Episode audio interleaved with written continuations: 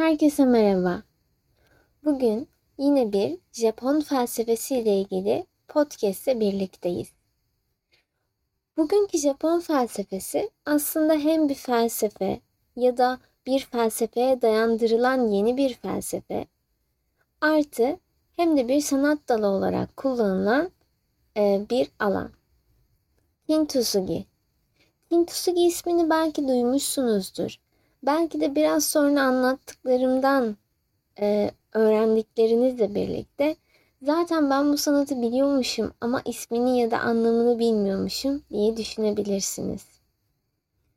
Kintsugi ile ilgili e, hangi felsefeye dayandığı, ne olduğuna geçmeden önce bir rivayetten bahsetmek istiyorum. Bu rivayete göre aslında Kintsugi sanatının çıkış noktası da bu hikayeymiş. Rivayetler eski Japon tarihinde ta 15. yüzyıllara kadar eskilere dayanıyor. 15. yüzyılda Japon hükümdarlarından Shogun Yoshimasa'nın çok sevdiği bir çay fincanı varmış. Bazı rivayetlerde bu çaydanlık olarak da geçiyor ama ikisinin de e, içerik ya da yaptığı şey aynı olduğu için ister çay fincanı olarak düşünebilirsiniz, isterseniz de çaydanlık olarak düşünebilirsiniz. İşte bu çay fincanı varmış ve bu fincan bir gün kırılmış. Japon hükümdarı bunu çok sevdiği için de fincanı tamir için Çin'e göndermişler. Fincan Çin'de onarılmış, geri gönderilmiş fakat sadece metal zımbalarla e, tutturularak çay konulabilmesi amaçlandığından dolayı estetikten çok uzak ve kötü görünüyormuş. Bunu gören hükümdar çok üzülmüş. Çünkü kendi fincanını çok seviyormuş. Bunu gören Japon sanatkarlar fincanın üzerinde tekrar çalışmak istemişler. Özellikle Japon hükümdarın hoşuna gidecek bir tasarım yapmak istemişler. Esas düşünceleri onun çay konulabilecek bir kap olması değil, estetik ve güzel görünmesiymiş. Bu yüzden de e, bu alanda çalışmaya başlamışlar. Çalışma bittiğinde aslında fincan eskisinden de daha güzel bir hale gelmiş. Fincana yaptıkları şey ise şuymuş. E, fincanın kırıklarını kin adını verdikleri bir altın tozu da e, deniliyormuş bu kine. E, parlak sarı bir maddeyle e, birleştirmek. Ve şöyle düşünün. Mesela bir fincan, seramik bir fincan ya da bir çaydanlık, bir bardak. E, onun bir kırıkları var ve kırıklarını sarı böyle parlak bir macunumsu maddeyle yapıştırıldığını düşünebilirsiniz. Aslında böyle bir yapboz parçaları gibi e, tek tek böyle onu tekrar en baştan aslında yapıyorlar. Ve fincan bittiğinde, işte tasarımı bittiğinde, onarımı bittiğinde Japon hükümdarı Shogun da çok mutlu olmuş, daha da çok beğenmiş. Ha bilmiyoruz tabii ki kullanmış mı, kullanılmamış mı ama sonuç olarak daha güzel bir şekilde onu bir obje olarak kullanmaya devam etmiş. Normalde o dediğimiz sarı altın tozu gibi olan e, macunumsu madde kin, tusugi ile birleştirmek. Aslında altını birleştirmek olarak da anlamlandırılabilecek bir sanat dalı kin tusugi. Tabii ki bunun bir de felsefi boyutu var. Peki felsefi boyutu ne? Buna geçmeden önce aslında Kintsugi'nin çıkış noktası olan başka bir felsefeden bahsetmek istiyorum. Wabi Sabi felsefesi. Wabi Sabi felsefesi eksik güzellik anlamına geliyor. Yine bu da Japon çay törenlerinde ya da çay seremonilerinin yapıldığı felsefeye dayanan eksik güzellik ya da doğal olanın güzelliği, eskimiş olanın güzelliği anlamlarına geliyormuş. Wabi Sabi felsefesi kısa bir süre sonra aslında bir Japon öğretisi haline gelmiş. Japon geleneksel öğretisi haline gelmiş. Temelinde şu düşünce var. Onar, tamir et.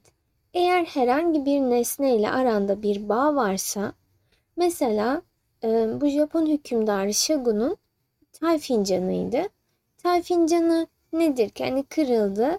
Hele günümüzde yenisini al. Gerçekten çok kolay. İnternetten hemen yeni bir çay fincanı hatta daha güzelini alabilme ihtimali çok yüksektir ve çok kolaydır. Bir tıkla aldın evine hemen geri geliyor. Fakat eğer o nesneyle aranda bir bağ varsa mesela bazı objelerimiz vardır. İşte bazı kalemler vardır. Ee, çocukluğumuzda kullanmışızdır. İlk yazı yazdığımız kalem deriz. Ya da e, çay fincanı gibi bir bardak vardır. Mesela çok sevdiğimiz bir bardaktır. Kırıldı. Bunları evet atmak gerçekten çok kolaydır. Fakat önemli olan Kintsugi ya da Wabi-Sabi felsefesinde bunları tamir etmek ve tamir ettikten sonra tekrar kullanabilmek. Bir vazo düşünün. Mesela bu vazo kırıldı e, ve içerisi hani tamir edildikten sonra içine su koyduğunuzda sızdırıyor. Kullanamıyorsunuz. Evet ama onu isterseniz plastik bir çiçekle de e, evinizde kullanabilirsiniz ve o zaman kullandığınız zaman da hem Kintsugi felsefesini uygulamış oluyorsunuz hem de Wabi Sabi felsefesine göre bir öğretiyi yerine getirmiş oluyorsunuz. Şimdi e, şöyle düşünün. Kintsugi ile geri dönecek olursak Wabi Sabi felsefesinden tekrar Kintsugi'ye toz haline getirilmiş olan altın, gümüş, platin, reçine kullanılarak genellikle bu seramik olan ve kırılmış objelerde kullanılıyor. İşte çömlek, vazo gibi objelerde. Bunları onarma sanatı, kırılma, bozulma ya da yok olma yerine yeni bir görünüşle yeniden tasarlamak ve objelerin kaybettiği fonksiyonlarını yeniden kazanmasının ötesinde yaşanmışlıklarının izlerini yaşatmaya devam etmek.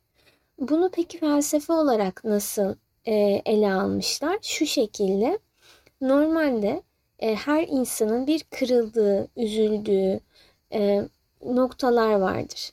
Ama önemli olan nokta bunları bir şekilde tamir etmek ve yeniden yeniden yaşamaya devam etmektir. Aslında Kintsugi'nin amacı da bu şekilde.